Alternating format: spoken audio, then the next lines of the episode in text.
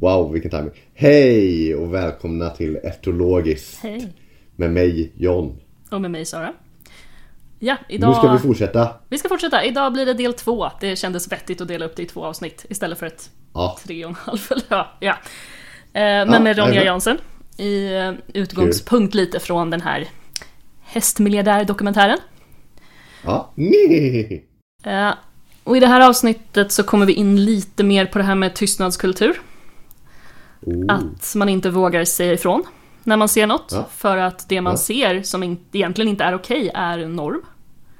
Ja. Och att det är också en norm att man inte ska ge oombedd hjälp i hästvärlden.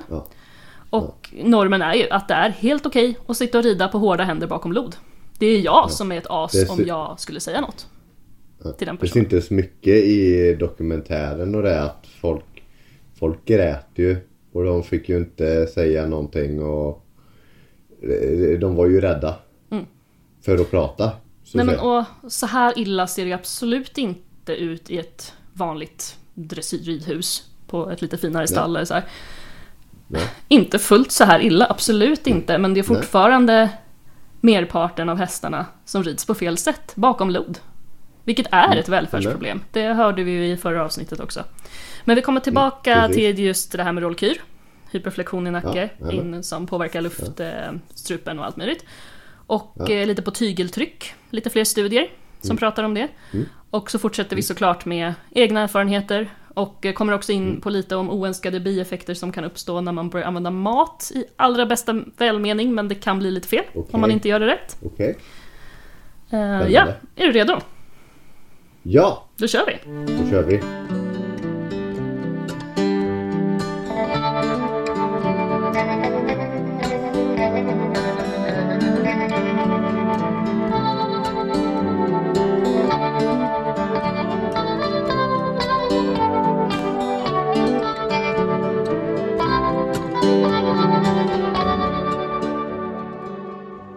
Jag tänkte en, en grej som var så himla tydlig i hans stall, det här med tystnadskultur-grejen. Liksom.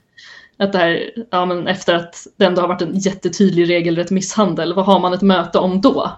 Har man ett möte om att vi inte ska misshandla hästarna? Nej, vi har ett möte om tystnadsplikten. Mm. Alltså, jag tänkte på en grej, alltså, lite självrannsakan sådär. Alltså, man är ju en feg jävla fitta, alltså, för man säger ju aldrig ifrån Mm. när man står i ett kollektivstall. Men alltså man ser ju så jävla mycket skit. Eh, det stället jag står i nu är faktiskt rätt bra. Eh, men tidigare, alltså man har ju sett, man, man, alltså fast man har lärt sig att se alla de här små tecknen eh, och man ser spänningen i kroppen och att det inte alls är vackert. Alltså man blundar ju ändå fortfarande för att inte orsaka dålig stämning. Ja. För att det är så normaliserat. Man vet att det är man själv som kommer få all skit för att man vågar säga ifrån. För att det Ja. där är ju normen. Ja. Alltså det är man själv som kommer bli socialt utfryst i stort sett. Mm. Om man vågar säga någonting. Mm. Så min idé har ju alltid varit på något sätt att men jag försöker för, föregå med gott exempel. på något sätt. Mm. Och det var ju lättare med kava, inte i början, men där är det också så här, du måste fortfarande typ ha något att visa upp för Ja. att folk ska liksom börja fråga hur gör du, hur tänker du och så här. Eh, och med oj har vi fortfarande inte ett skit att visa upp. Nej. Alltså han har ju verkligen, som jag har sagt det förut också, han måste, att vi vill ju att han ska tycka det är kul. Alltså det går så långsamt framåt med honom. Mm. Men du får göra det. Ja. Eh, vi har hittat en medryttare nu också som är så helt med. Hon ville hitta en ung häst. Oj, var väl... Eh, och, så här, och växa med och rida och ha kul med. Och hon har tr- klickertränat hund tidigare. Mm. Så, är så här, den ska vi ha. Ja. Inte historia av ridskoledressyr på något sätt. Utan historia av typ passat hästar i Costa Rica, ridit ut rakt fram. Mm. Ikke sant. så, nej, alltså det är så himla toppen. De är så himla fina ihop. Eh, nej men, det här, med- alltså, man är ju en del av den här kulturen själv för att man vill hålla sig väl med folk. Ja, absolutt. Så är det ju. Ja. Det var inte jättelänge sedan jag såg någon rida med stångbett och både dunka på och slå hästen samtidigt. Ja. Vad gör jag? Ja, Jag går in till min kompis och bara ah, jag såg det här! Ja. Träffer Istedenfor man personer- å klare Hei! å si noe. Og det er jo altså Men det igjen, da. Nå, nå klarer man jo på en måte å si noe fordi man sier noe i en podkast. Eh, vi har jo sagt noe om litt sånne her type ting før, eh, du og jeg. Og jeg har også snakket en del om liksom Altså, jeg har ranta på sånne her type ting Ja. i denne her podden tidligere også. Eh, og jeg tenker at det er i hvert fall en start, fordi at det er jo absolutt noe med det også, at hvis man, hvis man går inn og sier ifra til den personen som ikke selv tror heller at den gjør noe galt eller gjør noe vondt Altså, Nei, intensjonen er jo ikke precis. vond. Eh, altså, hvordan får du den personen til å føle seg der og da, hvis ikke den personen er mottakelig eller klar for å gjøre en endring? Eh, Så jeg tror du har helt rett i at man må faktisk gå fram som et godt eksempel. Det er samme tankegangen jeg har hatt også. Eh, når jeg sto på ridesenteret og hadde, hadde masse oppstallører, så var det jo ikke sånn at jeg gikk inn eh, og blandet meg veldig mye. Men folk så jo hva jeg gjorde, og hva man fikk til med de hestene man hadde i trening, og så hvordan jeg underviste andre. Og så ble det faktisk noen sportsryttere som hadde lyst til å prøve, fordi at man så at det var noe annet. De ble jo ikke sånn snudd om over natta. Men det, det gir jo Det gjør jo noen endringer. Men, men igjen alltså, det här med vända över natten, det, det blev ju fan jag typ.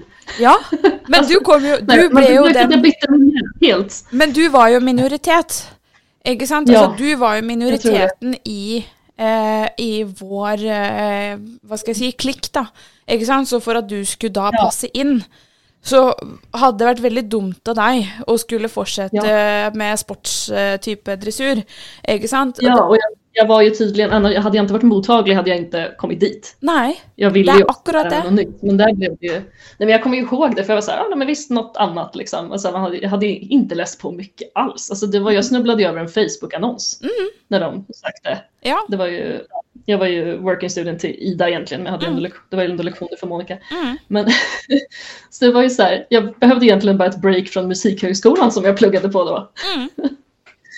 Och så här, "Åh, jag skulle göra något med hästar. Jag vet att jag sökte någon plats på typ något så hoppstall eller någonting först, fick inte det. Och det var ju jävla tur det. och så, "Ja, det där såg mysigt ut och så kollade jag lite och så här, Ja. akademiskt, ja, vad kan det vara? Alltså sen när jag väl kom dit så förstod jag också så här, okej, det här är alltså en grej, det här är alltså något som folk gör som redan har hållit på med akademiskt typ i flera år. Ja. Det var ju liksom bara jag som bara, vad är det här för något? ja. Men jeg tenker Men det var så, och så fick jag ju börja mycket från marken först. Men sen kommer jag ihåg första gången jag red, vad hette, vad hette den mörkbruna? Agodora. Ja. Alltså jag hade ju bara suttit och skrittat på en volt. Mm. och var helt såhär, oj, wow, kan det vara så här att rida? Mm. Alltså det var ju en så... Tenk at man ikke skal bli trøtt og sliten av å ri, liksom. Ja, eller hur? När man har liksom växt upp med normen att man glömmer vantar och har blåsar på ringfingret. Jepp. Det gjorde jeg Det- òg, og sprekte neglebånd. Jeg husker jeg fikk alltid sånn der blod på neglebåndene hvis ikke jeg eh, eh, Hvis ikke jeg red med hansker. Og det er liksom Altså, hva med den munnen på andre enden? Ja, Liksom. man, precis. Man har, och så var ju någon, det var ju någon stjärna på eh, ett stall jag jobbade på. Och så tog de in, nu red in lite unghästar och så, där, så tog de in någon annan som skulle också jobba som typ quote beridare. Mm. Som knäckte nackar i stort sett. Mm. Eh, och nu tappade jag poängen, vad var jag skulle säga? Vet ikke. Vi snakka om eh, blod på fingrene. Jo. Ja, vikt i munnen. Ja. Hon sa så här, jag hörde henne säga, jag vet inte om det var till mig eller om det var till någon annan. Eh, och hon sa, ja men det är ju, vad, vad kan han väga? 400 kilo? Då är 400 kilo i den där munnen. Man bara, men va? Mm. Ja. Va? va? Vad säger du liksom? Det säger, ja hästen väger 400 kilo. Det betyder ju inte att du har 400 kilos motstånd i munnen. Och du ska, ja, alltså, nej, jag vet inte. Det fanns ingen logik i det. Nei. Det, det, Men det är väl så många tänker, ja men det är ett stort starkt djur. Jo men du har ju en metallbit i munnen mot lanerna på den. Ja.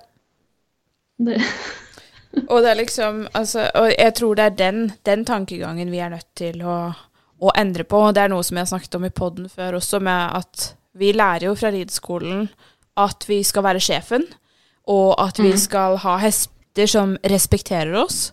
Eh, men jeg hørte en veldig fin eh, eh, saying på akkurat det, og det er at det, vi skal ikke si at det handler om respekt, men vi skal sa, si at det handler om hva hesten har lært. Altså hesten har lært, og hva den ikke har lært. Det handler ikke om at den respekterer eller ikke respekterer. For det er Nei, det handler om hva den har lært. Og hvis ikke den har lært noe annet, så kan den tråkke på deg, da. Fordi ja, den er større enn deg, og den er ikke redd for deg. Så ja. Nej, men det var också så i dokumentären, det var ju någon som apropå sporrsår Mm. sa att nej det gör inte ont. Ja. Och ursäkta om du har ett stort sår mellan revbenen, gör inte det ont? Ja, men det var väl i något sammanhang att de skulle rida på den igen fast den hade sår liksom. ja, stemmer. Nej men det gör inte ont. Man bara nej men okej, ska vi gå tillbaka till när vi gjorde öppna hjärtoperationer på nyfödda barn? Alltså, Mm.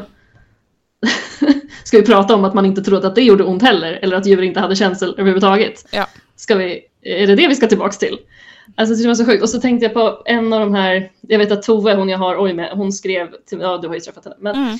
ehm, hon skrev till mig, hon kollade, hon låg så här 15 minuter före hela tiden Mm. när vi kollade på dokumentären på varsitt håll. Eh, nej men han eh, manliga experten, vad nu han hette, ja ja, skitsamma. Jeg husker ikke. Eh, nej men då, han var så här, "Ah, ja men det är en sak att det blir sporrsår, men när det inte får läka, då är det ett välfärdsproblem, typ. Mm. Det var inte ordagrant så. Ja, ja, jeg husker det. Hon, hon bara rantade på sms till mig. Ja. Och jag bara, jag har inte kommit dit än, ta det lugnt. Jag börjar precis kolla. Eh, men också så här, ja okej då, har det hänt en enstaka gång av misstag? Ja men okej, det kanske inte är ett jättestort välfärdsproblem på det stora hela. Men här händer det ju hela tiden. Ja, det er akkurat det. Det är ett problem att de får sporrsår överhuvudtaget. Det är inte ett välfärdsproblem först när det inte får läka. Nei, og jeg reagerte også på hva hun ene veterinæren sa om at eh, det som er ille med dette her, er at vi ser liksom ti hester samtidig som opplever det samme. Det vi er vant med, er én i ridehuset. Ja, Ja, men det er da én hest for mye, eller? Med den ene i ridehuset. Og det, liksom, og det betyr jo ikke at det ikke er noe konfliktatferd på noen av de andre. Det betyr bare at det er den ene som er ekstrem, som gjør at du legger merke til den. Men når jeg ser inn i et vanlig ridehus, og jeg Altså, jeg Når jeg underviser i vanlig dressur, da, eller dressurridning, eh, så kan jeg bli ganske forstyrra av hester som blir trent rundt meg, på grunn av Ja, gud, ja. stressnivået. gud ja. Og spesielt en når vi jobber med ro. Som jag, alltså jag kunde knappt fokusera. Jag och Oj fick liksom så stå i mitten. För alltså dels så flög de runt ganska Mm. mycket. Och det var så hårda händer. Och det här var alltså en person som dessutom hade jobbat som ridlärare på ett yrkesgymnasium. Jobbade med att träna polishästar i det här läget. Mm. Jag hoppas inte hon lyssnar på den här podden för jag respekterar henne så sjukt mycket som människa och som lärare var hon fan Ja, ja. Alltså, jättebra med elever och allting. Men hon red till, eller vad man ska säga, någon häst i det här stallet. Hon fick betalt för att rida den. Alltså den var så stressad. Det var så hårda händer och där vet inte jag om det också är en så här avvägning med, ah, ja det är det här den här ryttaren vill ha. Jag gör det då. Mm. Eller om hon faktiskt alltid rider så och lär ut så, det vet inte jag. Mm. Men ja, det var inte den bilden jag hade fått. Nei. Ja, det är ju såklart, ja, det är en gammal kollega då, såklart. Ehm, och så där minns jag att där, alltså, det fanns ju noll fokus Ja. när det här ekipaget liksom var. För att dels, ja men, det är ganska högt tempo och så, och så att Oj blev så stressad av den här hästens Ja. stress. Ja, det er Det är akkurat det. det, Fordi han förstår ju inte som- hester, altså din og min hest, er jo ikke vant med det stressnivået. De forbinder jo sånn type stress med fare. Ikke sant? Ja, Det var det samme som skjedde meg eh, med Jake da vi flytta til Trøgstad. Og første gang, eller de første gangene han skulle trenes i ridehuset med sportshester. Da var det kanskje to til tre andre hester i ridehuset som løp rundt og bare ble ridd helt vanlig. Altså det var ikke noe spesielt eh, med dem. Kanskje én hadde på eh, innspenningstøyler, som heller ikke er uvanlig å ha i en sportsstall, dessverre. Eh, og så var det Og de ble jobbe i skritt, trav og galopp.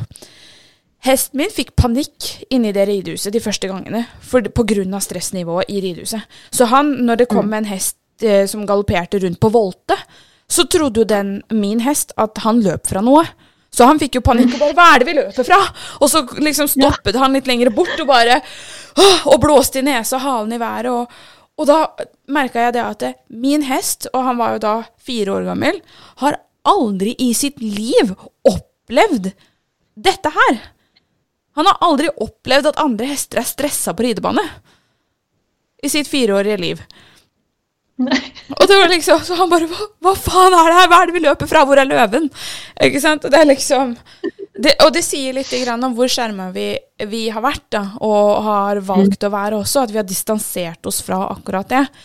Uh, men ja, och, och nå igen så har jag igen valt att stå på en liten stall. Alltså jag ger fan i ridhus och allt, för jag vill vara alene och jag vill träna häst som jag har lust att träna häst. Och jag har lust att ha det rolig och avspänt och helt fritt. Så ja, vi har ridebane utan lys och vagn, men alltså jag tränar på dagen och ute på jordet jag, om jag må liksom. Fordi at det er det som er viktigst for meg nå.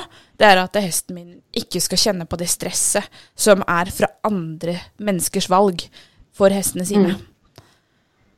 Ja, och jag är ju mer van vid det från tiden vi stod i förra stallet. Mm. Men, och den, alltså den här var ju det var ju många som hade stressade hästar så, men den här var så extrem så att till och med han, han var ju ändå ganska van vid det mm. så. Men att till och med han ändå reagerade. Tove brukade ju säga det också, hon bara nej men alltså den hästen var, de var i ridhuset, det kunde vara hon som red till eller ägaren, det spelade inte så stor roll. Hon var så här, nej den var där så vi, vi, vi skrittade bara lite på volt för hand och mm. backade mm. lite. Och så. Mm. så på, ja, påverkar en själv så himla mycket. Nej, men jag tänker, alltså mycket är det ju, alltså just i ridningen, det är ju, skulle jag säga, att man ofta har så mycket vikt i handen eller har använt så mycket vikt i handen att hästen är inledd hjälplös och håller sin nacke där i alla fall. Ja. Uh, men och så, alltså, jag tror ju mycket av stressen kommer därifrån. Alltså, vi pratade ju om andning och rollkyr och sådär förut. Mm. Men det, den på jag har samlat på mig från lite olika studier där man pratar om, när man kollar på rollkyr. Eh, och dels så var det den här nya studien då där man tittade på bakom lod men inte rollkyr, alltså mindre än 10 grader, att det faktiskt påverkar andningen redan där. Fatta då hur mycket det påverkar när man liksom har några centimeter till bringan. Alltså det är mm. ju helt sjukt. Mm. Nej, men så dels så är det ju luftstrupens diameter. Eh, intratorakala trycket ökar, alltså kortfattat det påverkar blodomloppet. Mm. I normal andning så sänks trycket och vid inandning och ökar vid utandning. Eh, ganska rimligt. Eh, men det påverkas. Synfältet påverkas, det ska vi inte glömma. Nej. Att de får gå och stirra ner i marken mer eller mindre. Kanske inte jättepåverkan vid under 10 grader men sen, alltså ja, du blockerar hästens synfält. Ja. Det är ju stress i sig för ett djur som vill fly från saker. Mm. Eh, ligamenten i nacken påfrestas mest. Man har jämfört olika positioner vad som påfrestar mest. Mm. Och rollkyr mer än 10 grader bakom, det påverkar mest. Då sliter mest framkotan belastas mest i den här positionen. Och det påverkar enzymaktivitet i muskler. Bara en lista av lite olika problem. Mm. Och man kan ju se hur bara en sak av de här skulle kunna framkalla stress. Mm. Alltså dina ligament i nacken börjar göra ont. Alltså det är så himla... Och allt det här alltså, har liksom blivit norm. Mm. Alltså jag tänker på det, det är inte att säga så visst. Jag tänker att vi ska beröra det här med ögonblicksbilder också. Mm. Uh, jag tänkte min ovetenskapliga hästnätundersökning här. Uh, en häst kan ju absolut i en ögonblicksbild hamna bakom lod. Ja, ja. Absolut. Alltså, många hästar hamnar där när, man, alltså, när de experimenterar med balans själva och mm. sådär. Men det, gör det, det är ju en skillnad att hålla dem där mm. än att de hamnar där själva när de experimenterar med balans.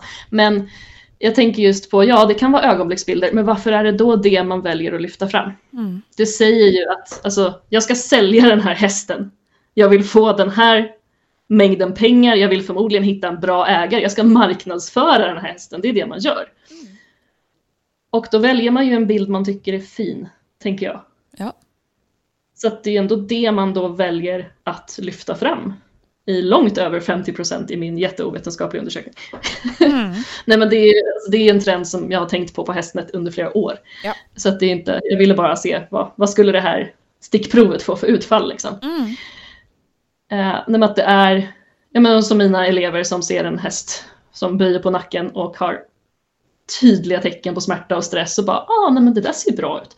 Alltså det är vad vi tycker är fint, vad vi har blivit normaliserade till att se. Ja.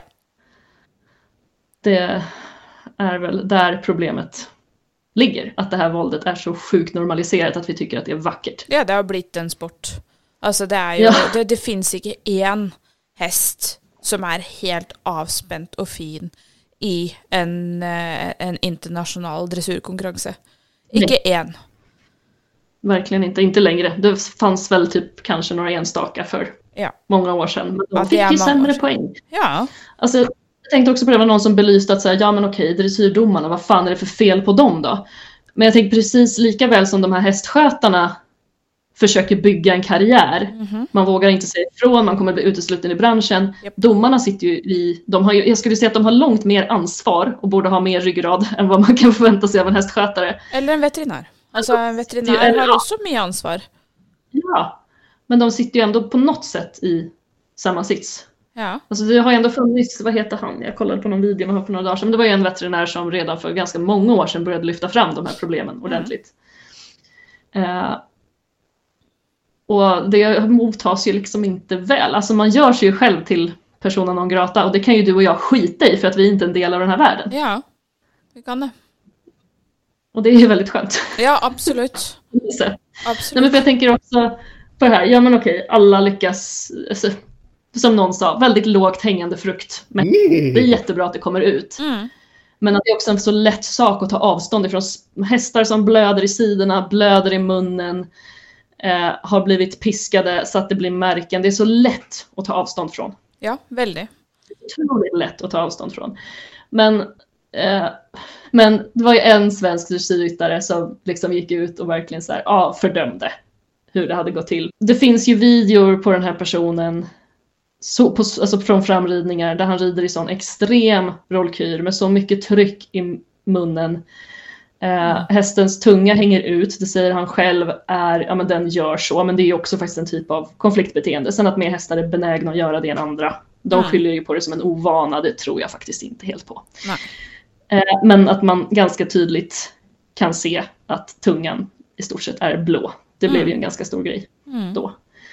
Men vad jag vet så har inte den här personen heller, vad jag vet, slutat rida på det här sättet i rollkyr och så här. Men det är ändå så himla, så man är, jag säger inte att det är lika illa på anläggningen med sporrsår och eh, extrema slag. Men man tar ju också bara avstånd från en liten del av det som har hänt. Ja. Det, Det går inte att själv rida hästen i djup rollkyr och samtidigt ta avstånd från det. Nej. Så jag tänker att det inte har varit mer... Alltså, ja, det har varit lite fördömande röster från andra dressyrryttare, men inte så mycket som det borde vara. Nej. Och det är ju för att man rider på precis samma sätt själv. Det är för att det är det det. som premieras. For det, det, er jo det, de, det er jo det som blir premiert. Altså, du får ikke eh, altså Sånn som jeg har sagt i poden nå mange ganger, er at du får ikke suspension uten tension. Eh, og det er det de vil ha. De vil ha Mm. det som de kaller for the second trot, altså suspension trot. Og det er Ja, trav med ekstra eh, eh, fluff. Eller ekstra Ja. pop. Ja, men altså, det er det de vil ha. Og det er, det er ikke mulig å få uten spenning. Det er, du ser ikke en avspent hest gjøre det der. nej. Nei. Og det er eh, Jeg hadde jo en annen eh, podkastepisode òg hvor, hvor vi snakka om eh, schwung, som er en del av utdanningsstigen. Og de klarer faktisk ikke å beskrive i den eh, norske oversettelsen hva schwung er. Nej. De, okej. altså, de, de, de skriver at det er eh, hva, var det de, hva var det de hadde satt som definisjon? Nå har ikke jeg den eh, teksten fremme, da. Eh, men definisjonen var noe sånn som at eh, det var spensten i steget. De brukte ordet spenst. Eh, de det skulle- spensten i steget. Det er det de bedømmer. Altså fra dommerprotokollen. Det er det det står i dommerprotokollen. Eh, og, så, s- blir jeg så, og så står det òg at det fins ingen direkte oversettelse av ordet schwung til norsk. Vadå? Svenska Tøyser säger man du med eller? Är problemet? Det betyr Jeg skjønner jo, hvis du tror at det betyr spenst, så er ikke det en direkte schwung. Oversatt til spenst er ikke det samme. Men det betyr jo svingning. Det jo det det betyr. Og det klarer man ikke å få fram i den norske dommerskalaen engang. Selv om man bedømmer Ja. svenska. Ja, absolut inte. Jag, ja, jag har inte tittat på hur man bedömer ta i og så les det, skal du se om det noe dressyr. gøy. For jeg blir helt jo- matt Ja, av sånne ting. det är sen Haväng, ty- alltså jag har inte kollat på dressyr. Det går ju inte. Man Nej. mår ju bara dåligt. Ja, det gjør man. Men det er liksom Altså, jeg, jeg føler at jeg har gjort det til sport i poden å diskutere akkurat de tingene der, og sette det litt på spissen, fordi at Det är bra. Det, det henger jo ikke på greip. Og når man sier da i eh, i, utdanningsskalaen at ja, vi, schwung er steg fem eller noe sånt nå, eh, så skal Mm. man det, det handler om spenst. Nei, det handler om svingning. Det handler om gjennomsvingning i en avspent ryggrad som gir deg Ja. en løsgjorthet. Det er jo det det handler om. Sånn at du får Ja. kraftoverføringa bakfra. Ja, så du skal jo ha s- spenst der også, men det er 50 av schwungen. Jeg syns Bent eh, han eh, beskrev det ganske bra på et kurs vi hadde for noen år siden, hvor han eh, beskrev upward swung og sideways swung. Upward swung er løftet av ryggen oppover, og frasparket og det du kjenner i spensten oppover, men det skal være mykt, og landingen skal være myk. Og så er det jo svingningen fra da, eh, som er den andre. Og hvis du har det kombinert, så får du jo den her eh, Hva skal jeg si, den derre ultimate løsgjorthet-følelsen, da.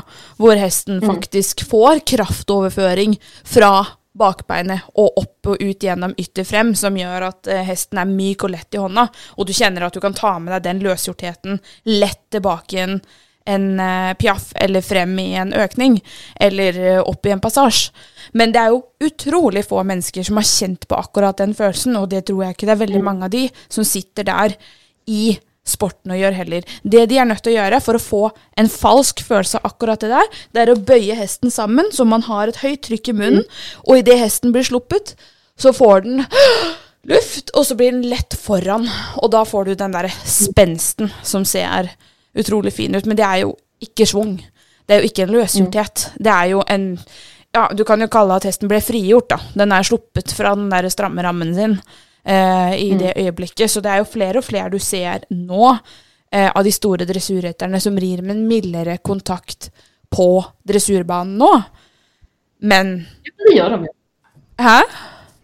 Det gör de ju oftast. Det ser ju ändå Ja. bättre ut på det. dressyrbanan vad det gör på framridningsbanan. Alltså allt där man har Nettopp. sett Fordi på- at vi vet jo hva de har gjort der ute. De har sittet og ridd i bøyninger og overbøyninger og krølla de sammen, og så idet de kommer inn der, så er hesten lett og fin og løs og s- løsgjort og smidig. Men det er jo ikke det den er. Den eh, har bare mindre vondt. Ja, alltså det här med att premiera. Alltså egentligen, ridhandboken, FI, rakt, alltså bakom, bakom LOD borde ju det, alltså som vi säger, ögonblicksbild. Och det kan man ju se om det är ett ögonblick när det är en hel dressyr, ett helt dressyrprogram. Ja. Då är det jättetydligt om det var ett ögonblick och Ja. den hamnade lite där själv. Ja. Eller om, liksom. Men egentligen, rida ett helt program bakom LOD, det borde ju vara diskvalificerat Ja. rakt av. För att det, nej, liksom. Eh, men också, alltså den här, det är en lite äldre studie, den är från 2014, så jag vet inte vad som har hänt sedan dess. Men det var hon forskaren som var med i, eh, i dokumentären också. Mm. Eh, Ken Apfel, jag har ingen aning hur man uttalar det. Den nederlandske. Ja. Eh, Men de tittade just på tävlingshästar då, 2014. 171 hästar under tävling och 355 i uppvärmningen. Mm. Eh, 69 procent reds bakom lod. 19 ungefär i lod men med då den här 10-gradiga avvikelsen hade Ja. de också kollat på. 12 procent framför lod. Mm. Eh, De såg också, precis som den här senare studien, att hästar bakom lod hade signifikant mer konfliktbeteenden. Ja. Eh, För den som är, har läst lite statistik så var p-värdet 0,0001, det vill säga väldigt, väldigt signifikant. Mm. Mm. Eh, Och sen så var det signifikant mindre flexion av nacken under tävling. Än vad det var på framridningen. Ja. Precis det vi sa. Eh, Och de såg också att ha hästen bakom lod, det straffade sig poängmässigt i lägre klasser men inte i högre. Ja. Så man har alltså högre krav på att ryttare som rider sämre, liksom, eller vad man ska säga, det gör de ju inte nödvändigtvis. Ja, men jeg faktiskt. tenker at det også går på det som vi sier fint på norsk, eh, at det heter trynefaktor. Altså det handler om hvordan de ser, altså hvilket ansikt det er som presenteres. Altså hvilket navn som er der. det kaller vi for trynefaktor i Norge. Ja, den var fin faktiskt. Alltså det spelar roll vem det är som sitter på ryggen helt enkelt. Ja, Det är lite, helt klart. lite famous privilege. Ja, men du på något så sätt. jo det med det siste rittet til Totilas også. Altså, jeg husker, da satt jeg faktisk og så på det på eh, direktesendt TV, og det var siste rittet, og jeg sitter og sier høyt i stua Hesten er halt, hesten er halt, hesten er halt. Faen blåser de han ikke av banen? Eh, och så går det ju, och så blir det blåst upp på Facebook och allt det här i en, en dag etterpå, och så blir han diska dagen efter eller något sånt nå. Men han blev ju först placerad, han kom ju på första plats, men hästen var ju halt. Varför blev han inte blåst av? Jo, för att det var en känd häst med ett känt fjäs på. Det är eh, Men den òg er jo veldig kjent. Det var jo veldig mange som reagerte på det den gang. Men det er jo ikke bare den ene hesten. Det er veldig få hester på eh, en dressurbane, ser jeg, av de som er på, på TV, som ikke er halte. Som er rene i gangartene. Det er veldig ofte du ser ett kort og ett langt bakben, f.eks. Inn i en passasje eller inn i en piaff. Och sen är frågan, är det hälta? Är det att man inte har fått lära sig ett korrekt rörelsemönster? Men vilket det än är så ska det ju antingen, alltså är det hälta, det bor, alltså. Men också så här, hur kom han ens, alltså veterinär, det är alltid en veterinärkoll. Mm. Hur slapp han igenom om det var så uppenbart? God knows. Alltså man ser ju alltid, för att det är så spänt så ser man ju alltid liksom rytmavvikelser. Men och har du sett den videon? Har du sett den Nej, jag sist? inte det. Ja, det vill jag googla hvis jeg var der. For du ser det veldig, veldig godt. Og han får i hele rittet, og det er eh, masse fine kommentarer og wow på Men igjen, det var jo en skadet hest, da. Og han ble jo pensjonert den dagen. Men det er jo det er trist. Men det, igjen, det bare sier noe om hvordan sporten fungerer. At det her handler helt ekstremt mye om om hvem man er, og hvor mye penger man putter inn i sporten. Eh, hvilken status man har inn i sporten. Eh, og hvor man har kjøpt hester fra. Altså hesten er etter bla, bla, bla, bla, bla. Så har det også noe å si på Det er jeg helt sikker på. At det har noe å si på bedømningen du får. Mm. Nu vet jag inte riktigt, alltså den här studien, hur höga klasser det var de tittade på faktiskt. Nej. Men eh, det säger ju ändå någonting. Ja. Jag tror att, men sen vet jag inte. Alltså jag har inte varit på någon här lokal dressyrtävling heller på väldigt, väldigt, väldigt många år. Nej. Men jag vet inte, det här var 2014. Mm. Jag det sig verkligen att rida hästen lite bakom lod på en dressyrtävling idag? Även i en lägre klass, jag är osäker på det faktiskt. Jeg er faktisk veldig usikker på det, jeg òg. jeg Det har var nio, snart tio år sedan den här studien gjordes. Ja, jeg har tenkt det. At det er ti år siden 2014. Mm. Det er ganske sjukt. Åh, fysj. Men ja. Eh, vi hadde også en opplevelse av det på en dressurkonkurranse. Da var jeg ah, Jeg vet ikke hvor gammel jeg kan ha vært. Sånn eh, 14-15 år, kanskje. Ah, kanskje litt eldre. Eh, så hadde vi dressurkonkurranse på stallen hos oss. Em, og der var det en dame som kom med, eh, med hesten sin, med sporemerker, og spurte dommer om hun kunne få lov eh, å ri eh, med, med sprangsal, fordi hesten hadde sporemerker. Eh, og det som skjedde, var at eh, dommer sa ja, det kan du. Så hun red, fikk lov å ri klassen, vant klassen i sprangsal pga. sporemerker. Eh, for å flytte skjenkeleiet. Det vi så når hun var ferdig å ri, var at hun hadde, eller hesten hadde et sånt hovent felt fra det forrige sporemerket opp til det nye sporemerket. Så det nye skjenkeleiet hadde nye hull. Og allikevel så vant personen klassen. Åh fy fan. Alltså nu fick jag här minne från, alltså när, man gick, när jag gick på ridskola, det var jag ändå, jag, jag gillade ju inte att tävla, men man kunde ändå gå och kolla. Eh, och så var jag väl funktionär och sådär ibland, men jag kommer ihåg det var en tävling, alltså det var ju ingen hög klass, absolut inte, eller ett B eller ett C kanske, alltså lågt. Eh, men vi hade en häst på den här ridskolan som var, hon var, hon var jättesöt men hon var inte vacker. Hon hette Silla, ett litet fuxsto. Så jävla snäll alltså. Alltså bättre nybörjarhäst gick inte att få, jättesnäll häst. Eh, men hon var byggd, alltså tänk dig en Tänk dig en quarter, vi börjar där. Ja. Eh, så väldigt lågt ansatt hals kan vi väl säga. Det, är liksom, det går att lägga en planka mellan öronen till baken ungefär. Mm. Eh, och ganska kort hals om jag vill minnas rätt. Alltså det här var inte en häst som hade lätt i sin kropp. Nej. Så kan vi ju säga. Mm. Eh, Men jag tänker hur mycket det är bara att det ska se ut som någon stereotyp istället för att det så här, åh vad fint den där personen red den hästen. Mm. För jag kommer ihåg att det var väl ganska många tävlande, säg att det var 20 kanske, 15-20. Eh, och det var en tjej som var, hon var skötare på den här hästen vill jag minnas, Tina. Och vi som kände hästen och hade liksom ridit den och så här. Alltså ja, hon gick ju i en fin form för att vara hon. Mm. Men hon hade ju inte en kropp för att gå i en liksom högre form på något vis. Det är liksom fysiskt omöjligt typ för den här hästen. Hon är skapt så. Och vi var så imponerade hur fin den här, alltså det var så mjukt och fint och Tina red verkligen, alltså det var så, vi var så här, wow, vi har aldrig sett Silla gå så här fint liksom. Mm. Wow, vilken ritt.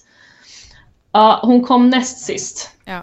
Den som kom sist hade en häst som typ hoppade runt och studsade för att den var så stressad. Det var typ så här första gången vi testar att tävla. ja.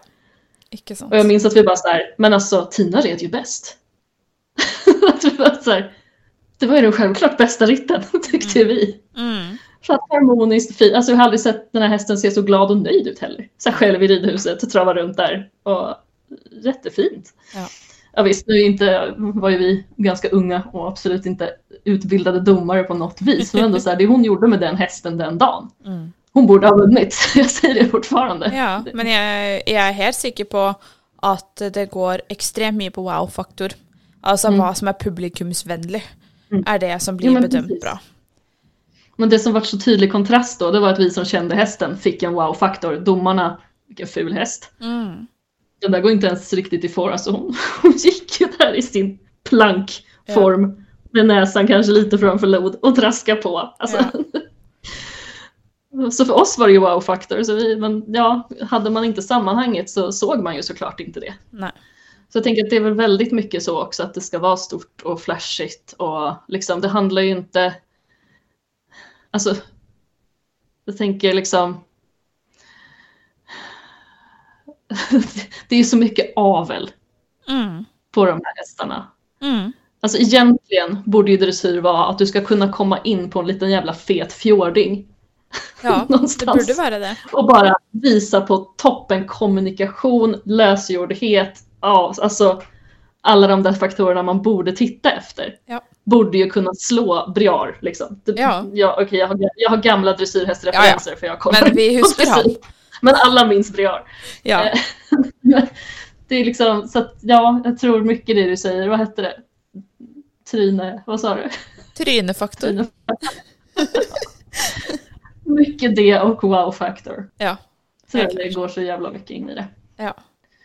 För det handlar ju inte om kommunikation mellan häst och ryttare, dressyrsport idag. Det gör det inte. Nej. Nej men och så just att det trillar ner, det är det som blir normen, det är det alla försöker härma. Ja. Och visst, var och en måste ta ansvar för sig själv, men det är ganska svårt att ta ansvar i en värld där allt är så normaliserat. Ja. Och det vet man ju själv också. Man trodde inte man gjorde något fel Nei. när man satt och red med så hårda händer och liksom. Det, ja, som sagt, för mig var det ju verkligen typ över en natt. Nej men över några nätter i alla fall, första veckan på Having. Ja, og det var jo nesten det for meg òg. Eh, men for meg så var det det at jeg ble Jeg hadde jo en hest som ikke ville egentlig noen ting, og han ble ridd ganske hardt av min trener. Eh, og så ble jeg introdusert for klikketrening først. Så jeg begynte jo med klikketrening da jeg var 14. Fordi at jeg hadde Det var en 16-åring som kom og underviste i klikketrening. Hun hadde trent kyllinger og hesten sin. Eh, i, og hun hadde Jeg husker ikke hvor hun hadde lært det, men hun hadde liksom Så hun hadde trent et par, eh, par forskjellige arter, da.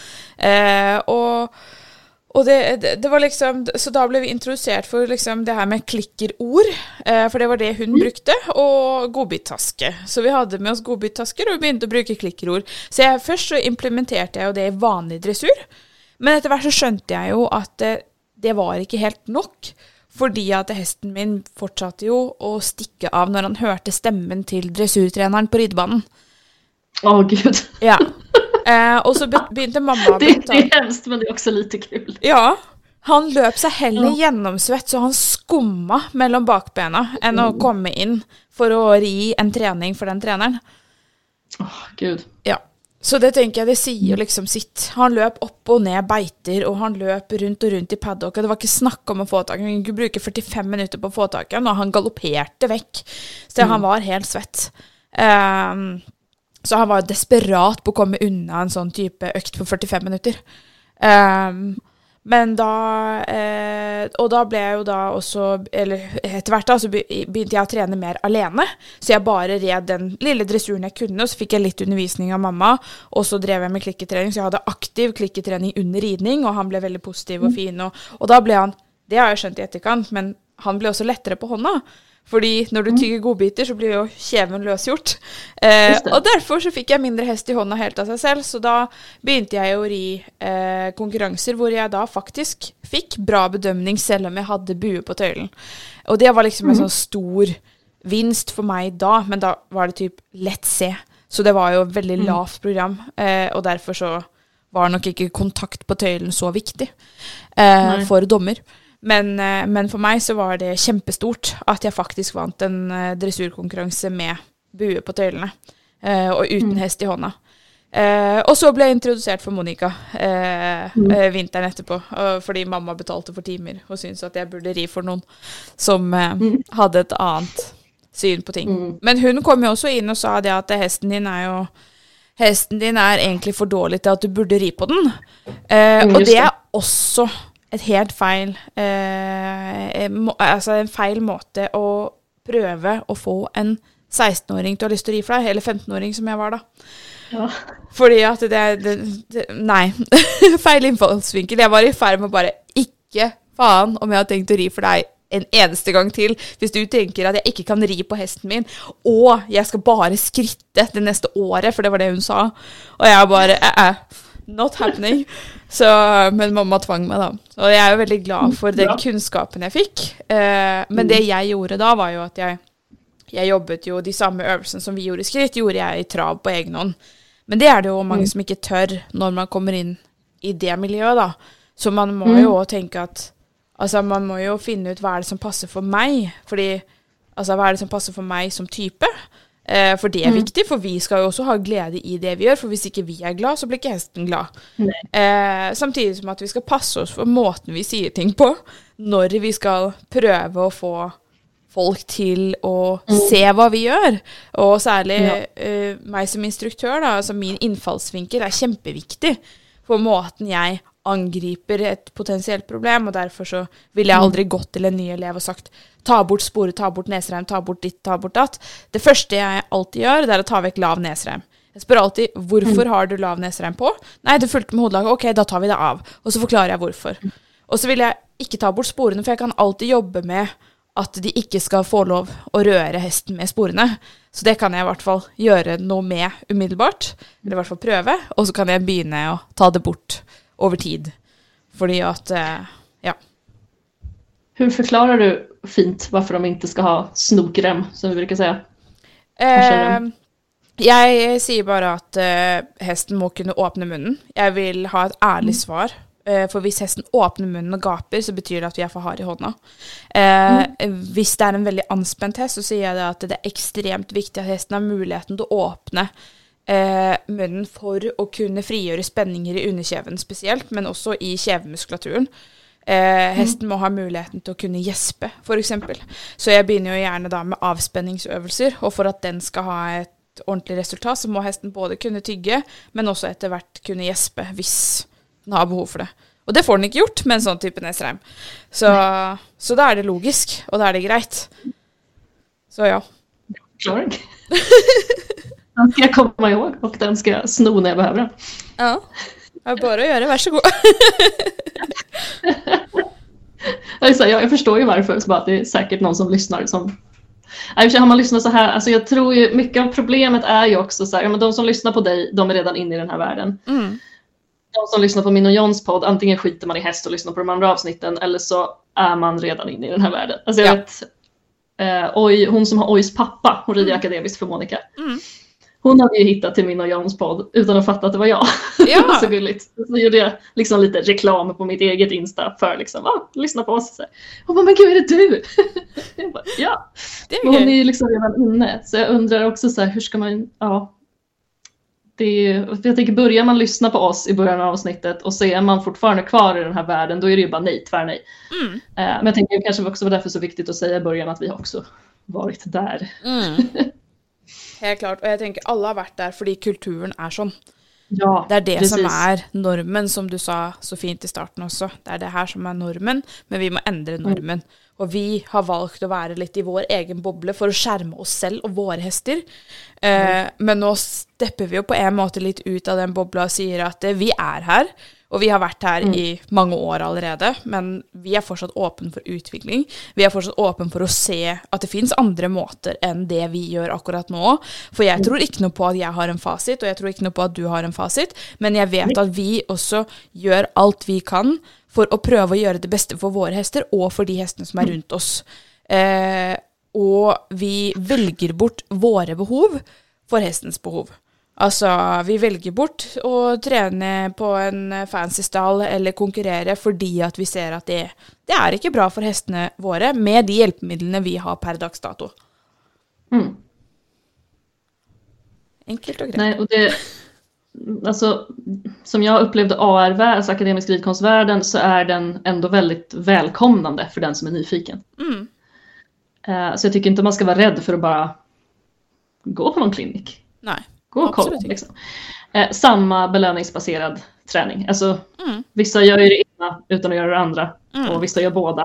Man måste hitta sin grej som funkar för en själv också. Mm. Eh, men den världen är också väldigt välkomnande.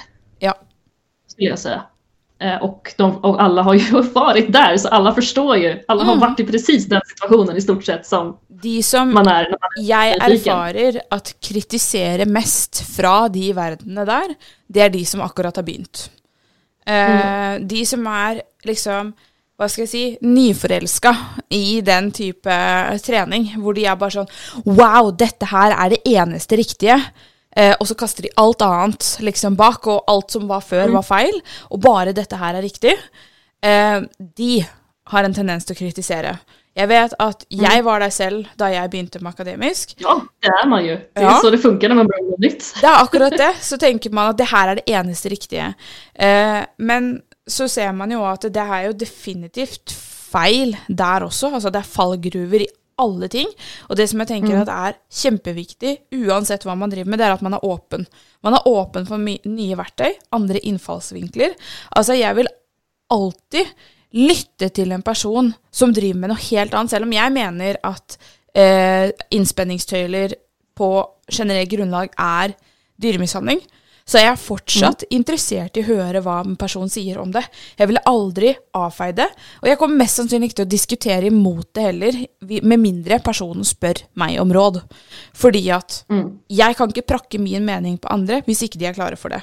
Men jeg er Nei. her for å gi folk en annen vei hvis de ønsker det. Eh, og, og gi dem et nytt type system som de kan Eller prøve å sette ting i system, da. Eh, men jeg syns at systemer i seg selv er farlig.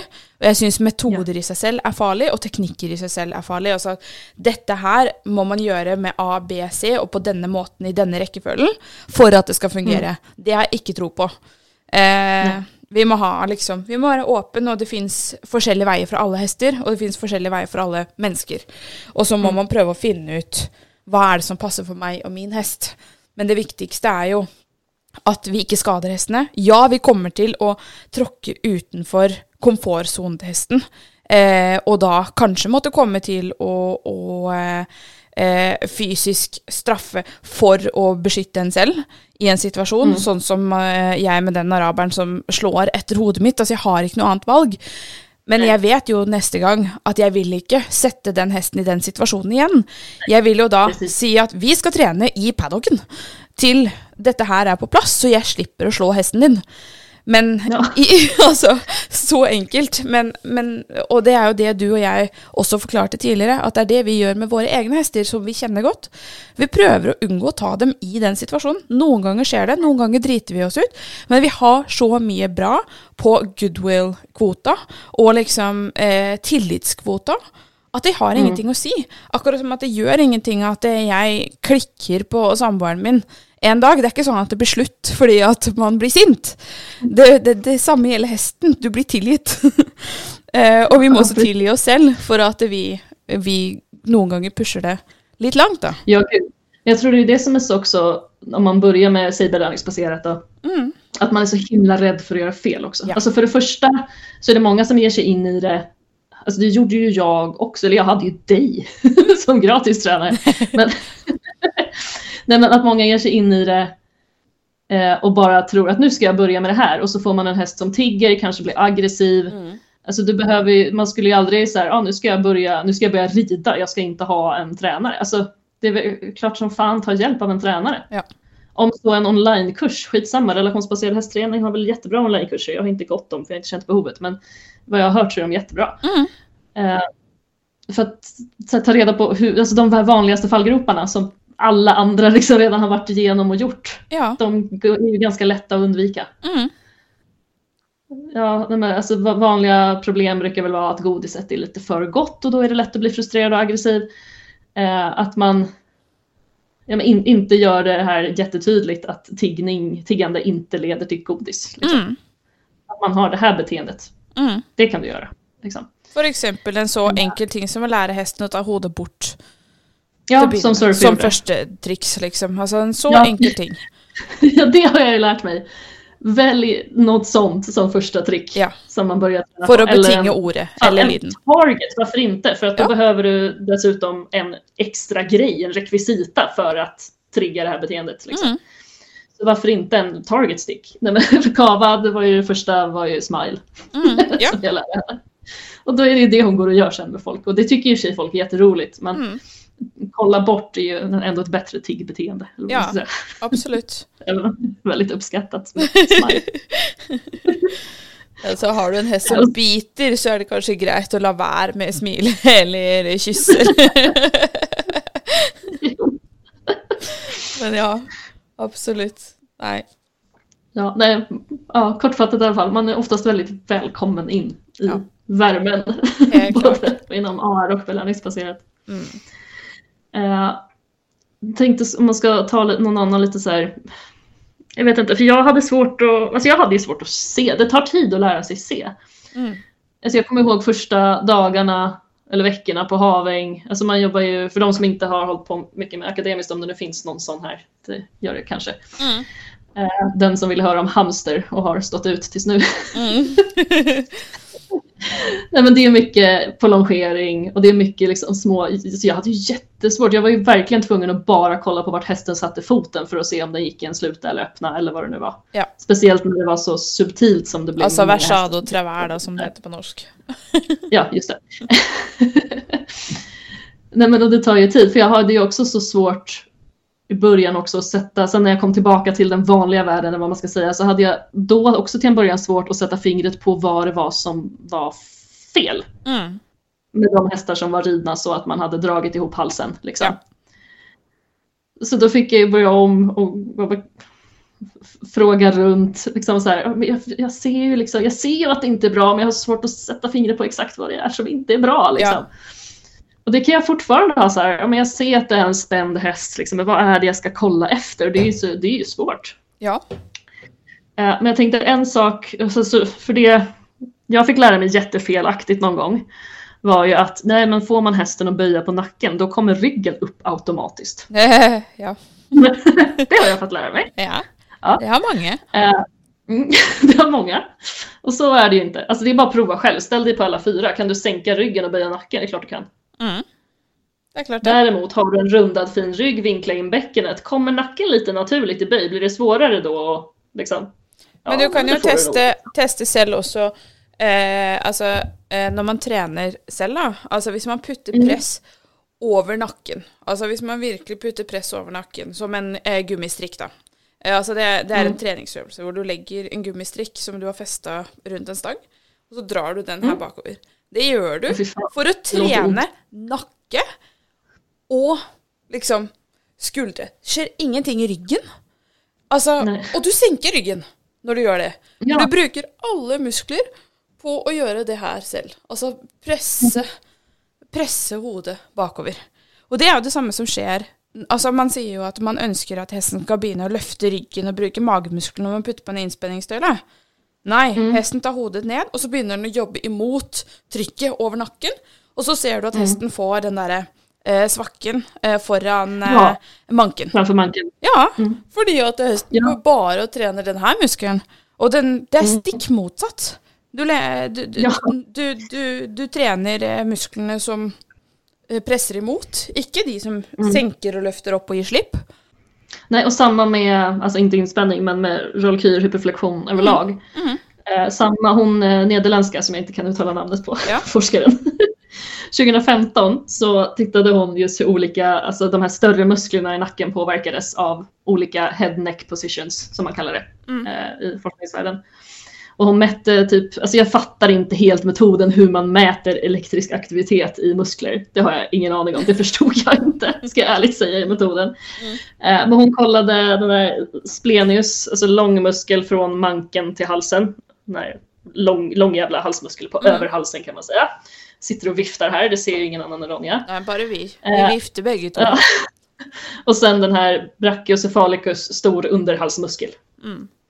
Eh, Och sen trapezius som är liksom över manken typ. De tittade hon på. Eh, och så på något sätt mäter man den elektriska aktiviteten i alla fall. Men den här un snygga underhalsmuskeln som man säger att man inte vill ha. Mm. Alltså en häst som, alltså det vet ju också alla att en häst som går med liksom huvudet upp i vädret, att det är inte så biomekaniskt bra. Det är liksom alla ganska överens om. Mm. Men det gör den ju också för att komma undan tryck, ofta. För att den inte har fått lära sig hur den ska hantera trycket i munnen. Bästa sättet att komma ifrån det, upp med huvudet. Mm. Jättevanligt på outbildade ridskolehästar som kanske egentligen inte borde gå på ridskola än. Eh, men och då vet man ju att om det blir mycket underhals och grejer. Eh, men i hyperflexion, alltså rollkyr, så är underhalsmuskeln också mer signifikant aktiverad. Sant. Så att man tränar, alltså även där man tränar är helt fel. Helt fel muskler. Eh, den här långa splenius överhalsmuskeln minst aktiv. Och hur fan skulle den kunna vara det? Den är ju helt uttöjd. Ja. Den är ju bara utsträckt. Ja. En muskel som jobbar är ju komprimerad. Ja. En muskel som är utsträckt jobbar ju inte. Och det vet ju alla. Det, är ju så här, det, det vet ju alla. Det lär man sig typ i mellanstadiet. Ändå så tror man, Du får At man- muskler av å gjøre spagaten, liksom. Nej, ändå så tror man då på något vis att man får en korrekt form när man töjer ut hästens hals. Ja. Det är jätteologiskt. Ja. Sen var det lite olika i trav, galopp, bla bla bla. Men, Mm. Alltså med olika spänningar, om det var signifikant. Ja, det var lite Mm. olika signifikans. Eh, så, mellan gångarter. Men det är inte heller konstigt för att man rör kroppen på olika sätt. Mm. Men i alla fall kontentan, den där underhalsen som man inte vill bygga, det är den som är mest aktiv i hyperflexion. Ikke sant. Vilket också kanske lite förklarar den här gropen i trapezius Mm. där framför mig. Absolutt. Den där snygga gropen. Oj har däremot en liten grop i rumpan som han haft hela livet som vi inte riktigt förstår. Veterinären har inte sagt något. Det fett. Nei. Nej, det är inte det. Det är liksom, det, ja jag vet inte. Så kom ihåg nästa gång vi har någon veterinär ute och fråga om det igen. Det här, vi, vi vet inte riktigt. Man har haft, han är född så. Ja. Ja, nej, men hon, eh, lite senare, jag bara kör på, hon, Mm. hon gjorde en studie på tygeltryck också, vad hästen själv får välja. Ja. Eh, alltså om den måste välja. Den hade ju inspänning, Mhm. eh, men var liksom så ja, men då fixerad med näsan i lod och inte mer, alltså inte fixerad bakom lod. Eh, men då kan den ju ändå no någorlunda välja hur mycket tryck den väljer att ha, eller vad man ska säga, i mungipan utan att det sitter någon och drar. Mm. Eh, och maxtryck utan ryttare, alltså maxtryck, inte att den hade det hela tiden, Mm. men max var ett kilo ungefär. Mm. Ikke sant. Eh, och sen slängde man upp en ryttare och eh, det var just i den här studien så var det inte så himla högt maxtryck som man har sett i andra studier, men ändå 3,7 kilo ungefär. Ja. Men någon enstaka peak över 15 kilo har man sett i tidigare studier också. Alltså det är mycket, ändå 3,7 kilo, alltså nästan fyra mjölkpaket Ja. Tenk hängandes det. i munnen. Ja. Det Det är, rart vi mycket. trenger hansker. Ja, det är därför man, det är därför man får blåsor i händerna. Ja. Nej, men det högsta som uppmättes i den här studien var i galopp och det var 5,5. Och ja. högsta i oriden galopp var 1,26, alltså piken. Liksom. Ikke sant. Eh, och konfliktbeteende, signifikant högre under ryttare än på longe. Ja. No shit. Ja. Ja. Det, altså, det bekrefter jo bare liksom egentlig alt vi, vi sier og tenker og har hypoteser rundt da, når vi prater om det. Så Ja. er det jo Och jag tänkte på den här, eh, ja, men de som hade gjort den där när man tittade på bara lite, lite bakom lod och sådär. Ja. Jag tänkte på att hon lyfte fram det att, att det är ganska orimligt att ha tryck i tygel som både liksom någon broms och eh, böj på nacken och sådär. Eh, så ska man använda, jag säger inte, alltså ingen av oss säger att man inte ska använda tryck i tygel som signal. Nej. Det säger vi absolut inte. Nej. Det är ju hur du använder och precis som med positiv förstärkning att det är så himla viktigt med timing Mm. på din klicker eller ditt ord eller vad det nu är. Så är det ju precis lika viktigt med timing i signaler med negativ förstärkning Mm. också. Eh, så vet jag inte, det är också en så här hårfin gräns och beror, alltså, beror på lite vem man frågar. För tryck i tygel, det är ändå ett tryck. Men om du aldrig eskalerar det så kan man ju se lite mer på det som en signal. Det här har vi väl varit inne på förr. Ja. Att negativ förstärkning har ju ändå ofta någon, något underliggande hot. Det är ofta så folk jobbar med det. Mm. Att svarar du inte på det lilla trycket så kommer jag öka i tryck tills du svarar. Liksom. Ja. Eh, och så behöver man ju verkligen inte lära in tygeltryck. Nej. Det går ju jättebra att lära in med små signaler, framförallt då om man kör positiv förstärkning och Ja. kombinerar. Ja. Eh, Men det var en ganska ny studie för 2021 en, eh, som gjorde sin avhandling vid SLU typ förra veckan. Mm. Men just den här studien publicerade de 2021.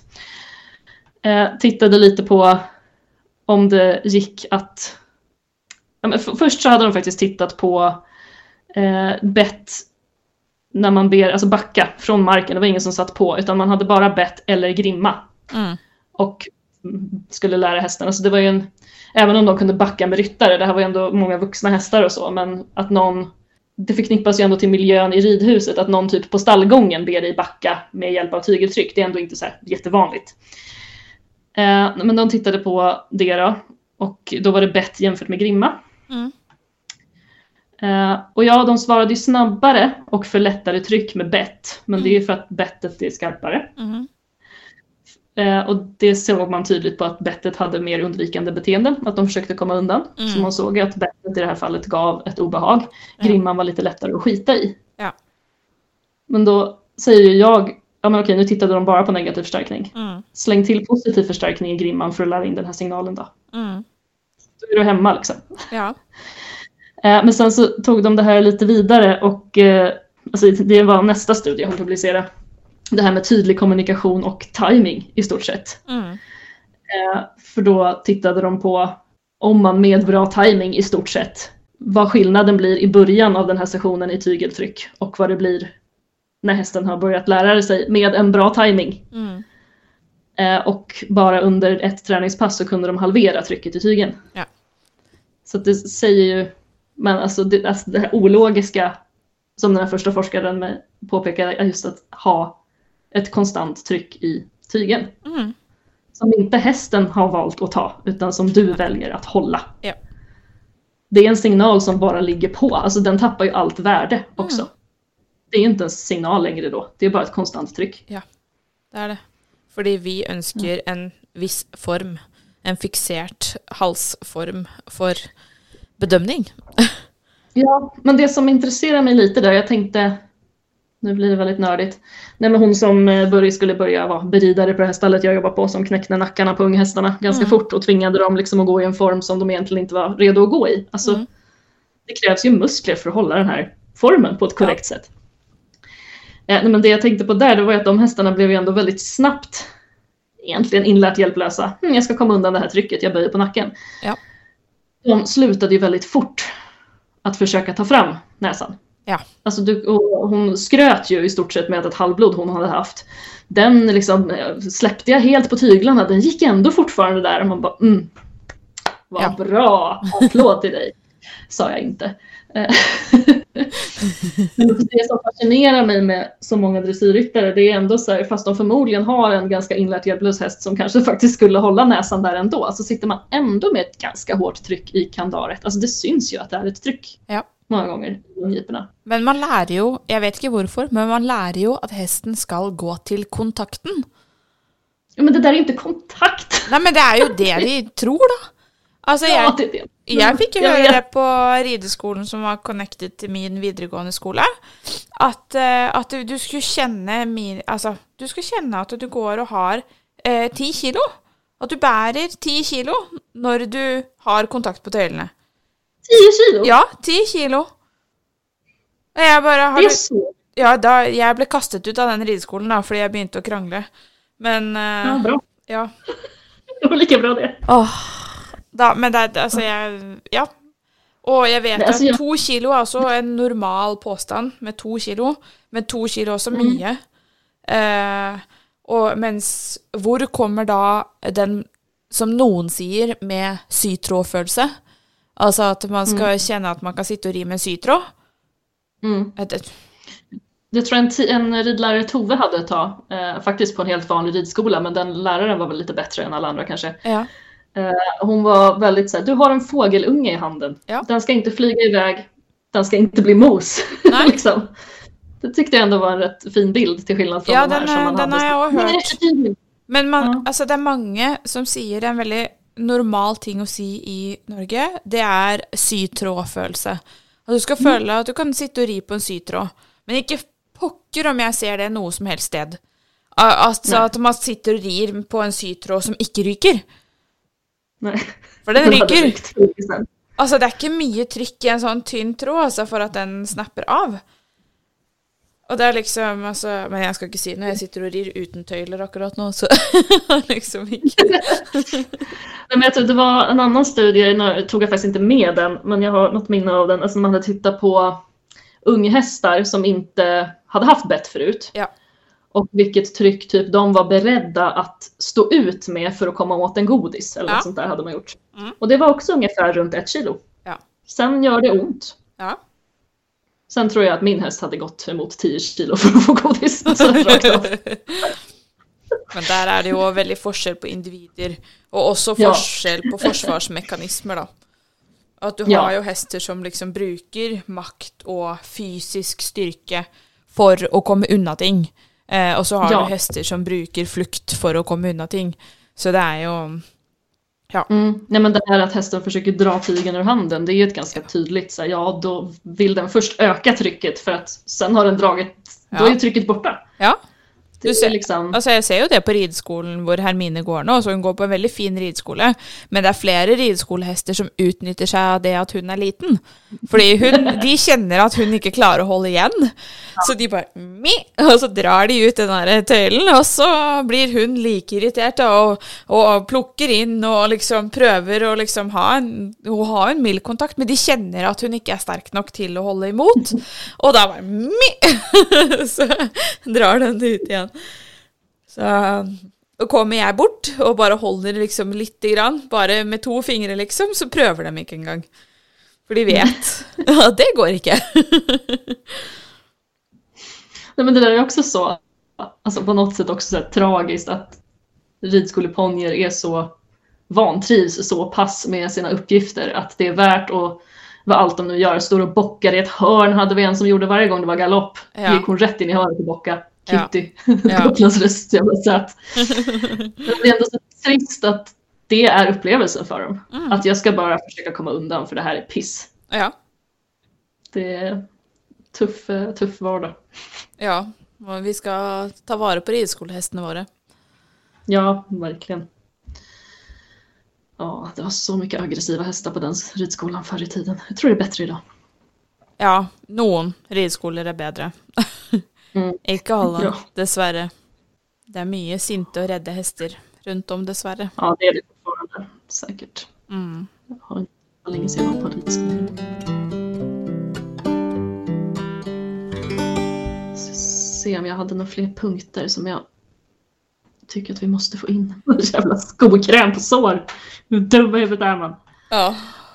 Men det er jo liksom sånn som vi har snakka om, det er, jo, det er jo ting som har vært diskutert av så mange. Altså de der obvious tingene at ja, de skjuler ting. Ok, ja, det er snakket om det. Mm.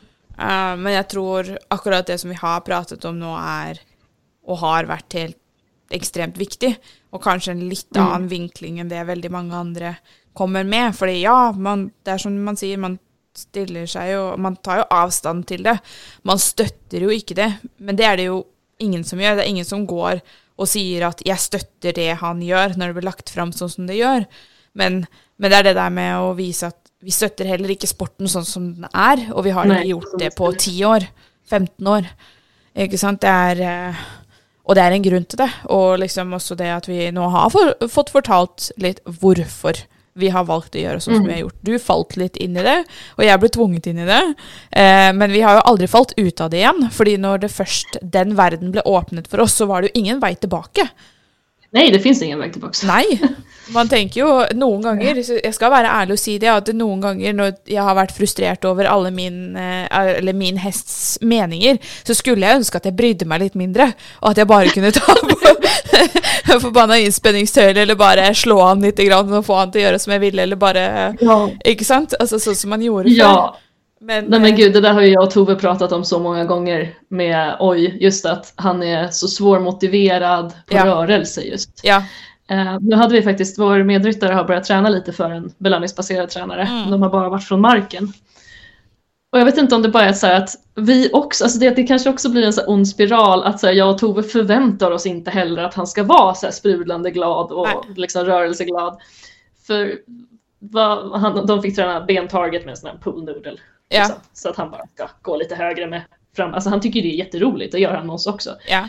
Eh, Men så mycket energi som han hade när den här tränaren var med. Ja. Jag fick en video på det, jag var inte där. Jag bara, men gud, han kan ju! så jag vet inte om det är vi också som har blivit så här, bara, att vi också har för låg energi för att, Ja. jag vet inte. Fordi at man har en Det sånn. om at det men- virker. Ja, precis, men det är så många gånger vi bara har känt att så här, men vad skönt det var just om vi brydde oss mindre. Ja. Alltså vi hade ju kommit så mycket längre, eller vad man ska säga, i någon slags dressyrskolning Ja. om vi bara hade sk- skitit lite mer i honom. Så är det ju. Men det sier også noe om den kulturen, eller ukulturen, når vi kjenner på akkurat den følelsen. Vi kjenner på på en måte et lite savn til det å være slemmere i gåseøyne, Mm. for å slippe følelsen av at vi klarer ikke å prestere det samme som de andre. Nej. Det er Precis. egentlig ganske sykt. Ja, det är det. Verkligen. För det här, men gud, han är ju, gud, vad är han nu? Han är född 2016. Jag kan inte räkna. Han Ja, år enn åtte, min, så han blir åtte. Han fyller åtta snart. Ja. Han tar, alltså vi har fortfarande inte, inte ens med klicker liksom. För han är så, vi, vi, han kan fortfarande inte galoppfattning på banan. Nei. Jag tror knappt han riktigt, han galopperar ju ute, men det är mer det har han börjat tycka är kul nu först på senare tid. Bara att kunna rida ut själv så att man kan, nu gör Rebecka det med ryttaren, bara så att man kan träna och fatta galopp utan att någon häst framför galopperar ute. Alltså bara det har tagit tid. Och på banan, alltså det är klart att vi har försökt och så här, okej, men om vi smackar och tjoar som fan och liksom lite skänklar och driver, alltså att man tänker att man ska upp i någon slags slängtrav först bara för att få den där första galoppen Mhm. och kunna klicka. Men reaktionen är ju tvärstopp och bara vad fan gör du? Ja. alltså, han är så rolig. Så nej, men det har vi inte. Han, eh, ja alltså det man tänker att en åtta år, snart åttaårig häst ska klara av. Det gör, alltså han är ju inte grundriden på det sättet. Det ska Nej. ändå, alltså man har ändå någon bild av att en ja, men en häst i den åldern ska kunna gå i form, whatever, i alla tre gångarter, bla bla bla. Alltså det är den bilden man har. Ja. Och så känner man att ja, men gud, vi ligger så efter i hans utbildning. Så bara, men vadå efter? Vad är målet då? Ja, det er akkurat det. Så, vad är det för egenvärde egentligen i Mm. att... Alltså det är att vi tycker att det är kul att Ja. kunna rida lite svårare rörelser i dressyr och så här. Ja. Men vad är det för egenvärde för honom? Ja, att han blir lite bättre och bärigare i kroppen men Mm. det får väl ta den tid det tar så att han fortfarande tycker att det är kul då. Ja, ja. Det fordi at det er jo det bara når vi. Når vi graver i dybden på, på hva det er vi egentlig ønsker, så er det jo det svaret vi kommer frem til hver gang. Det er jo at det skal være gøy. Det skal være gøy for Ja. både oss og hesten. Det er det vi ønsker. Så det er ikke verdt å liksom Den derre lille indre som sier at ja, men vi må få til de og de øvelsene. Nei, fordi at vi har ikke lyst til å komme til de og de øvelsene uten eh, uten å ha med motivasjonen til hesten, eller eh, hvis vi er nødt til å fysisk presse den mye hardere Precis. enn det vi, vi tenker at er riktig, da, og som hesten er komfortabel med. Og det er akkurat det samme som jeg også kjenner på, at jeg er jo veldig redd for hva andre tenker når jeg ikke har ridd hesten min fra august til nå. Mm. Ikke sant? For han er jo faktisk fem, han blir seks år, så jeg burde jo ha han Mm. mer. Jeg har galoppert på han fire ganger, men alle de fire gangene jeg har galoppert på den hesten, så har jeg ridd, galoppert uten utstyr. Jeg har galoppert uten hodelag og uten sal. Så ha, hans første galopp under rytter var noe utstyr. Så når jeg først kom dit, så var det jo Og det var en samlet galopp også. Fordi at han har jo lært alle tingene fra bakken. Ja. så han, han vet jo, så han, det- han var klar, har så ju- tilbød han det. Alltså vi kan ju få galopp, vi har ju testat någon gång men vad alltså, vi slår ju inte på hästen, vi slår ju i marken. Men han tycker ändå det är jobbigt att man slår i marken. Så vi har ändå testat det, kan vi få en galopp från att verkligen pressa liksom? Ja men okej det kan vi. Mhm. Var det, alltså, och så har vi försökt göra det och klicka. Liksom. Att ja men bra där har vi det. Det är så här, ja men han kan galoppera så det har ju varit lite det också. Ja, men altså kan man ens göra det här på volt? Men det har ju, då hade vi någon så här tanke på att, ja men okej, vi ger lite avkall på det här nu, vi är lite jobbiga för att se om vi kan klicka in det här fort. Mhm. För han tar ju ändå klicker rätt fort. Ja. Men nej. Alltså det, han tycker det är så jobbigt och tråkigt att det är liksom inte värt att... Nei. Alltså, han har ju intelligensen och är absolut tillräckligt klickertränad för att ha tagit signal, gal, alltså Ja, galoppsignal från marken. men det er fortsatt ikke verdt det. Det är inte värt för honom. Nei. Det jeg gjorde Och då, med ja, då är det väl så då. Men Men, det han går, kan gå ganska fint i skritt och lite trav. Ja. Det får vara så. Nei, Men det var altså, också så här, men okej, hur kändes det? Alltså hur, hur det där hade känts att pressa honom, eller liksom pressa en häst så för Okej, nu var det ju faktiskt tio år sedan typ vi var på Haväng.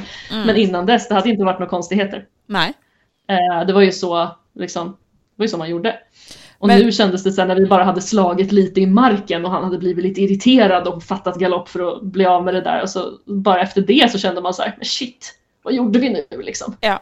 Hur mycket förstörde vi? Vad blev det här? Nej, det blev ju inget bra. Nej, det blev inte bra. Men han hade också kunnat ta det, tagit det på ett eller två Ja, ja. klick. Og det er, jo, altså det er jo verdt å prøve, men det er jo sånn som hvorfor skal det være en fasit på hvordan man skal gjøre det, da? Altså med, med lord Shetlandsponnen til Hermine, han ville heller ikke galoppere. Eh, eller Nei. han ville ikke. Eh, så det jeg begynte å leke med, det var at jeg For han kunne steile. Så han steila på kommando, og så begynte å lære han å steile kortere. Så lærte jeg han terraterr, og så lærte jeg han galopp. Fan vad gulligt. Fordi jeg prøvde å jage den ponnien, jeg også. Jeg løp så fort jeg kunne etter han med eh, pisk. Altså, jeg slo han ikke, men altså, liksom piska i bakken og liksom prøvde å få han til å løpe. Jeg fikk traver. Trav. Fikk sånn ponnitraver-trav. Ikke noe galopp. Mens nå kan han galoppere vanlig på begge hender i en alder av snart 25. Eh, men Oi. i en alder av 17 så kunne han ikke galoppere. Fordi han var for stiv i kroppen. Men å lære å steile, fordi det syntes han var gøy, for det hadde han masse mestringsfølelse på. Og det å faktisk stå på to ben, liksom. Og da får jeg jo også styrket de samme musklene. Og så var det bare ok, men nå skal vi begynne å gjøre pony squats, liksom. Så jeg rygget, og så har jeg bakket han, så han sitter litt mer over bakdelen i det han skal steile. Så da fikk jeg begynt å trene opp de, den muskulaturen. Og så begynte jeg å prøve å få hopp fremover. Og så fikk jeg terratær. Og så gjorde vi terratær i kanskje et år, og så plutselig så fikk vi galopp. Gud alltså vad bakvänt men vad roligt. Ja, men det er kjempebakvendt. Men igjen, hadde man ikke turt å eksperimentere med sånne ting, så hadde han fortsatt ikke galoppert. Jag tror vi ska experimentera mer med oj faktiskt. Ja, alltså så. man må tørre jag, jag, leke. jag är ju så, där så lite nu i och med att jag bor 100 mil ifrån de andra nu. Jag är ju hemma en gång i månaden liksom, tre dagar. Er det som Så då brukar det bli så här, kan jag vara ute samtidigt som medryttaren så kan det bli någon liten dressyrlektion till henne med Ja. lite så här sittstänk och sådär. Ja. Och fy fan vad fin han är Ja. när hon rider. när det är så här, när de hittar rätt. Eh, eller så, ja men, så, så här, jag tränar på någonting som jag tycker att, ja men det är i princip bara jag nu tror jag som tränar att försöka få någon rättställning i slutet. Alltså vi är liksom inte ens där, Travers. Eh, att han vet vad bakben in betyder men den där bogen följer fortfarande med liksom. Mm. Och, alltså det försöker jag finlira lite med när jag är där men det är så här, men då får det vara det när jag är där och så faller det på plats när det faller på plats då. Ja. Men det, ja, det, det är svårt att ha övergett sin häst. Han har det ju jättebra med två år i veckan. Det, han mår toppen. Men det är, lite, det är lite jobbigt att inte ha jag har en katt, jag tränar katten lite grann. Ja, det är inte samma är- sak. Det er ikke det samme med katt som med hest, altså. Nej, det är lite mer vi tränar, eh, vi tränar på att sitta på targetmatta. Det vi gör. Och lägga tass i hand. Ja. Det är den nivån.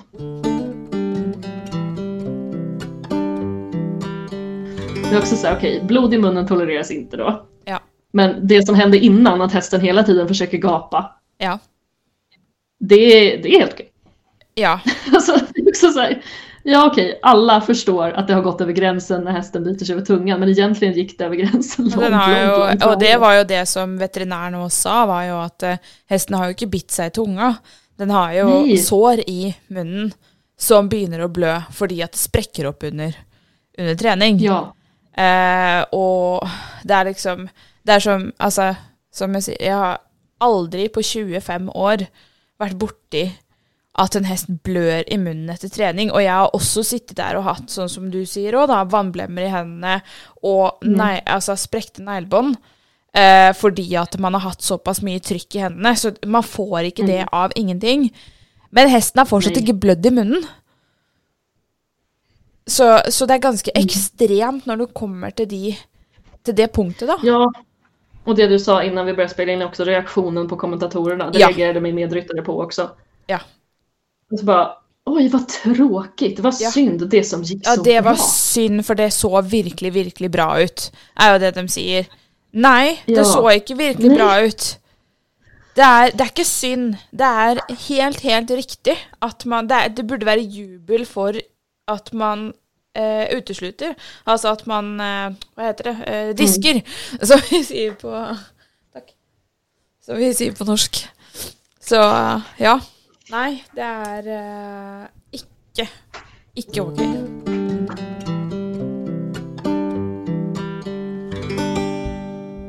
Ja, det var samtalet med Ronja. Det var ganska givande, tyckte jag. Ja, precis. Det kan ju bli mer sånt här att diskutera om. Liksom. Det lär det bli, Ja. tänker jag. Kul. Ja, nej. Men då nöjer vi oss för de, här, den här gången och de här avsnitten när det gäller häst. Det var väldigt spännande så jag tycker vi, eller ni, ska ta det kolugnt igen. Eller ja, hästlugnt som vi sa innan. Eh, Absolut. Det får inte bli en vana Det med får inte bli, hästlugnt. nej jag vet, jag vet. Tänk när vi börjar prata om grisar. Wow. Nej. Men eh, ha det bra. Ha det bra. Hej då.